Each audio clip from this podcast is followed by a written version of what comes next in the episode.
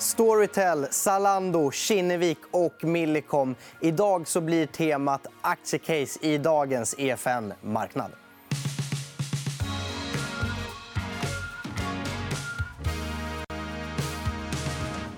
Och ni som är trogna EFN-tittare vet att när vi ska prata Storytel och Kinnevik i samma program då är det Stefan Wård som är här. Välkommen tillbaka. Tack, tack. Eh, och jag tänkte vi skulle börja lite i Storytel-änden. För det pratats mycket om dem nu. Borde vara gynnade av att folk är hemma, behöver nåt att göra, vill helst inte ut i bokhandeln och handla utan man lyssnar istället. Eh, vad tänker du om det? Mm, tror jag är spot on. De drar stor nytta av eh, nuvarande situation. Stark efterfrågan på tjänsten och så vidare. Som på många streamingtjänster. Mm. Eh, jag tänkte vi skjuter rätt ut eh, dagens första graf som är från deras årsredovisning som visar hur abonnentstocken har utvecklats. Och jag vet ju att det här är en tillväxtstory som du tycker väldigt mycket om. Mm, mm. Kan det här fortsätta, den här starka tillväxten som har varit? Ja, jag tror det. Jag tror att vi fortfarande är i ett tidigt skede av eh, Storytels resa. Vi fick ju på deras kapitalmarknadsdag i början av året fick vi en liten glimt av vad de själva ser. Eh, och eh, där ser man ju ja, det kommer vara en kraftig tillväxt eh, tillväxtspår under hela 20-talet. skulle jag säga. Man har identifierat att den totala marknaden för streaming audiobooks, som det heter på engelska, ska vara värd ungefär 200 miljarder kronor 2030. och Man vill ta en 15 i marknadsandel utav den. och Det motsvarar en försäljning då i streamingintäkter på cirka 30 miljarder. Mot nu, nuvarande ligger de ju på någon miljard bara. Så att det, det är ordentlig uppsida i, på det spåret. Så att vi kommer att se mycket tillväxt framgent. Mm. Ja, vi, vi, kan ta upp eh, streamingintäkterna också, som vi också har en bild på. Eh, och Eh, ja, du säger att det ska upp till 30 miljarder. Är det ens i närheten av inprisat? Nej, inte om de lyckas. Till det skulle jag inte säga att det... Behöver de lyckas med det för att försvara... Ja, exakt. De behöver fortsätta leverera tillväxt. Sen behöver det inte komma till, liksom, man behöver inte bevisa att man är på väg mot 30. Jag menar, om det skulle vara 10 miljarder i slutet av 2030 så, så är det en bra utveckling också. Men ja, du förstår. Eh, närmaste tycker jag väl att eh, man har guidat här på att ha, fortsätta ha en eh, tillväxt i användare kring 40% fram till och med 2023 och att det ska generera streaming, tillväxt i streaming revenues på ungefär 35% per år. Så stark tillväxt i antal användare. Eh, något eh, lägre ARPU längs vägen eftersom man kommer in i marknader med genomsnittliga lägre priser. så att säga. Eh, men fortsatt stark eh, tillväxt till 2023. Man ska även dubbla antalet marknader man är i från nuvarande 20 till 40.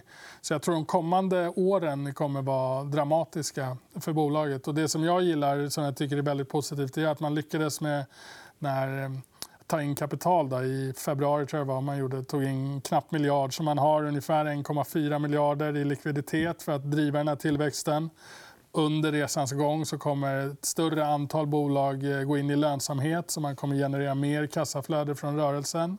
Och på så sätt så är det relativt sett låg risk i, i Storytels eh, tillväxtspår. Då, skulle jag bedöma det som de kommande åren. Och väldigt lägligt att de hann bygga upp kassan innan det kanske blev lite tajtare med likviditet på marknaden. Ja, det var körigare att göra idag. Mm. Helt klart.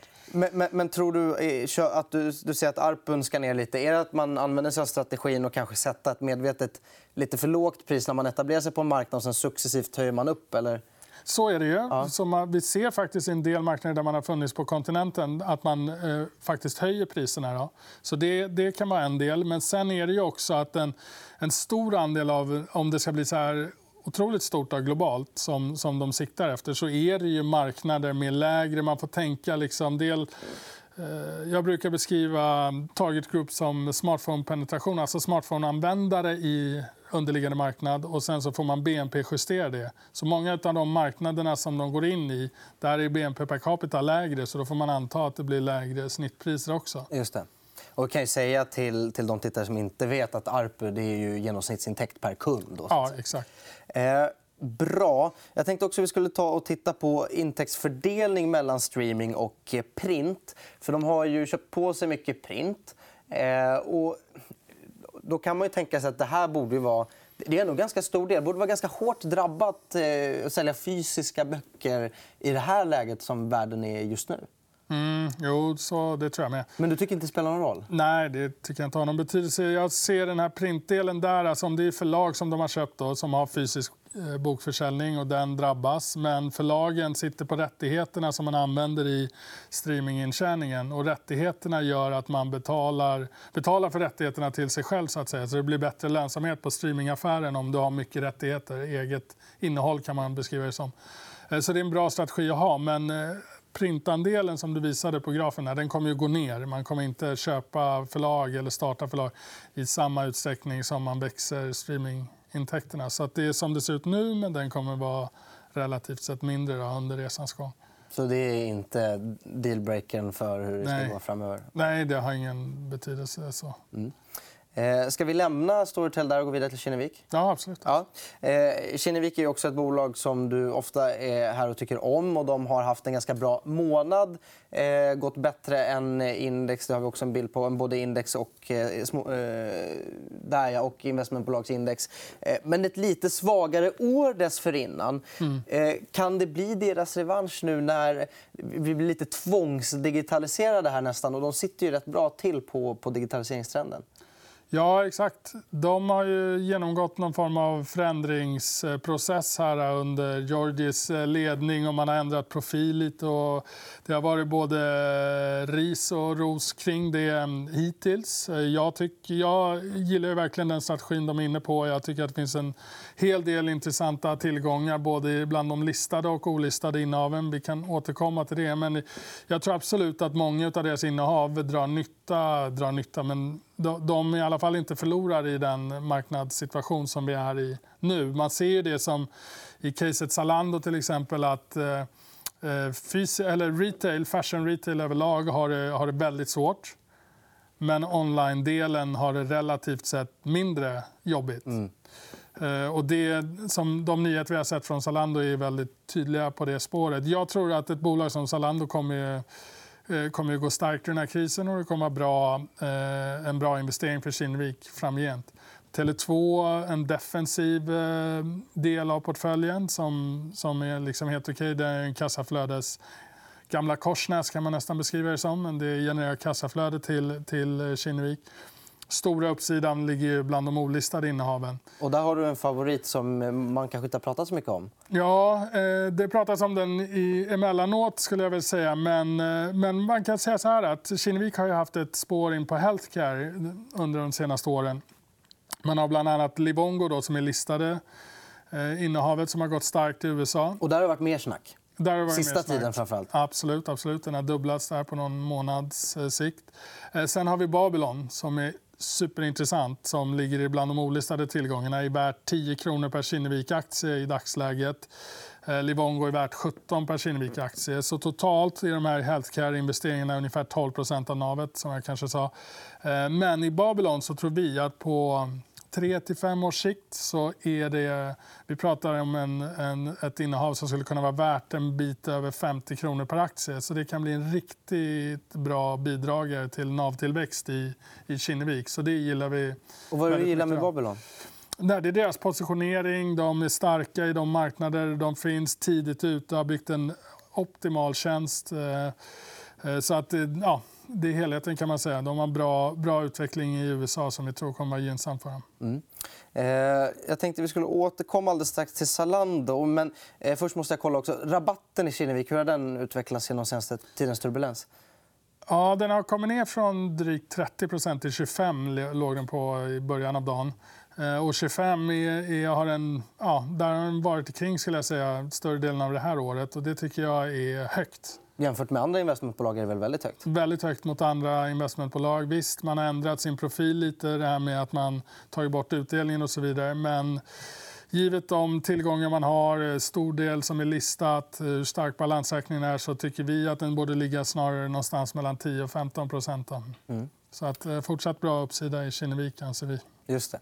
Vi, vi ska prata lite om, om Zalando också. Vi har ju redan doppat tårna i dem. Eh, tar och titta på aktiva kunder som eh, jag vet att du tycker är en riktigt kul graf att se. Just för att det ser ju onekligen väldigt bra ut. Det ser till och med ut som att det accelerera lite här mellan 2019 och 20... Eller vad säger Q3 2019 och Q4 2019. Mm. Så har den väl fortsatt upp till 32, va, tror jag, mm i Q1. här. Så att, ja, väldigt stark vad ska man kalla det för, acceptans av erbjudandet. Eh, kunderna gillar det, de är många och de återkommer och handlar mer. Så att eh, det ser ju lovande ut. Eh, jag tror att online är, kommer fortsätta ta del av hela eh, fashion retail-marknaden, även beauty som de är inne på nu. Då. Så, att, eh, så det ser, jag tycker det ser jättebra ut för, för deras del. När dammet har lagt sig lite, det är många, framförallt då fysisk retail, som behöver lägga ner nu. Mm. Eh, finns det möjlighet för dem då att, att, att dra nytta sen när konsumtionen kommer igång igen av att många av konkurrenterna ute på gatan är borta? Ja, det, precis. Om konkurrensen försvinner så drar de ju nytta av det. Eh, de kommer också vara ett alternativ för fysisk retail som klarar sig. Zalando själva försöker få eh, sina... Så att säga, de kan ju vara en partner till många traditionella fysiska retailers som plattformspartner eller provider. Och, eh, och där försöker de hjälpa då partners att, att överleva. Det är en del som de har lagt energi på under den här nedgången. Ett litet Amazon-spår då nästan? Ja, lite åt det hållet kan man säga. Mm. Eh, men tveklöst tror jag att de kommer att ha en starkare position i den europeiska marknaden efter den här krisen och att eh, online som andel av totala marknaden kommer att vara högre. Och båda de utvecklingarna skulle ju vara gynnsamma för Zalando. Värt att nämna också återigen är att bolaget är, har en, en knapp miljard euro i nettokassa och inga räntebärande skulder. Så att eh, de har en urstark balansräkning så de kommer inte liksom behöva ta hänsyn riktigt till marknadsförhållandena för att driva på sin tillväxt. Utan de kommer kunna utnyttja den här, eh, den här sättningen till att stärka sin position ytterligare. Och inte pressad att ta in nytt kapital nu när det är lite svårare än det var för några månader sedan? Nej, det är inte, det, det, de kommer aldrig behöva ta in nytt kapital, eh, mm. eh, som jag bedömer det. Och jag skulle även säga att det här året så kommer det säkert kunna vara på marginalen olönsamt, eh, inte helt hundra där. Men i, på en ebitda-nivå, om man ser kassaflöde från rörelsen så tror jag de kommer i princip täcka sina investeringar även, även i år. Så de kommer inte behöva använda särskilt mycket av den där kassan. Och när man är tillbaka på den utvecklingen som man såg 2019 då är de i princip självfinansierande i sin expansion. För den är ju fortfarande betydande. Och väldigt aggressiv. Mm, absolut. Eh, men det är svårt att prata om värdering i ett sånt här bolag, och speciellt nu när det blev lite speciellt läge. Men, men tycker du att värderingen fortfarande är aptitlig om man då försöker åtminstone ta försäljning och försäljningstillväxt och vart kursen står idag? Ja, alltså om man ser till liknande bolag. Om man, nu är Amazon ett annat bolag idag med, med web services och sådär. Men om man ser i början av 2000-talet när de var tidiga i sin utvecklingsresa så var det som drev värderingen i Amazon var, var försäljningstillväxten. I, och då var det en online retailer till 100 eh, så, så länge som man växer till an, alltså användare och eh, försäljning så borde det återspeglas i värderingen av Zalando. Sen är man lönsamma och självfinansierade och det är positivt. Men så länge man kan generera en så här bra tillväxt så borde det eh, resultera i en, en ökande värdering. Mm. Eh, vi ska gå vidare till eh, Millicom som är ett gammalt eh, portföljinnehav får man väl säga för, för Kinnevik. De har inte kvar några Millicom-aktier, va? Nej. Nej. Eh, men det var det ju tidigt. Eh, och, och det var ju lite en, en röra när de skulle göra sig av med Millicom. Det skulle bli en försäljning, sen blev det en utdelning. Eh, och kursen blev väldigt pressad i Millicom. Många tänkte att vilket guldläge nu när kursen är pressad. Men rapporten här om Sistens var väl ingenting som marknaden jublade åt. Det ser vi inte på kursen heller. Nej. Nej. Nej Millicom är eh, bland det svårare skulle jag beskriva eh, bolagen som, som, som jag har bevakat.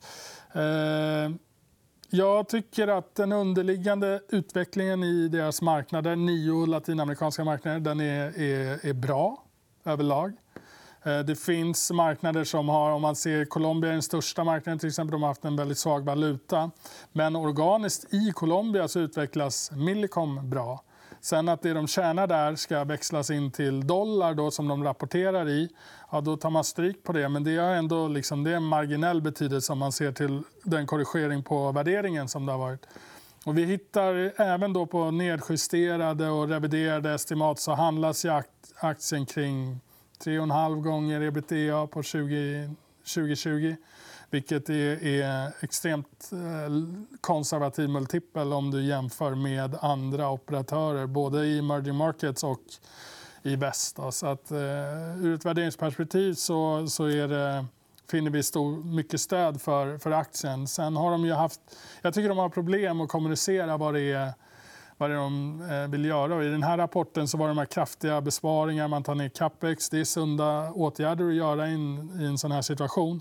Man tog även bort utdelningen helt och man säger att man inte är intresserad av att köpa tillbaka aktier. Mm.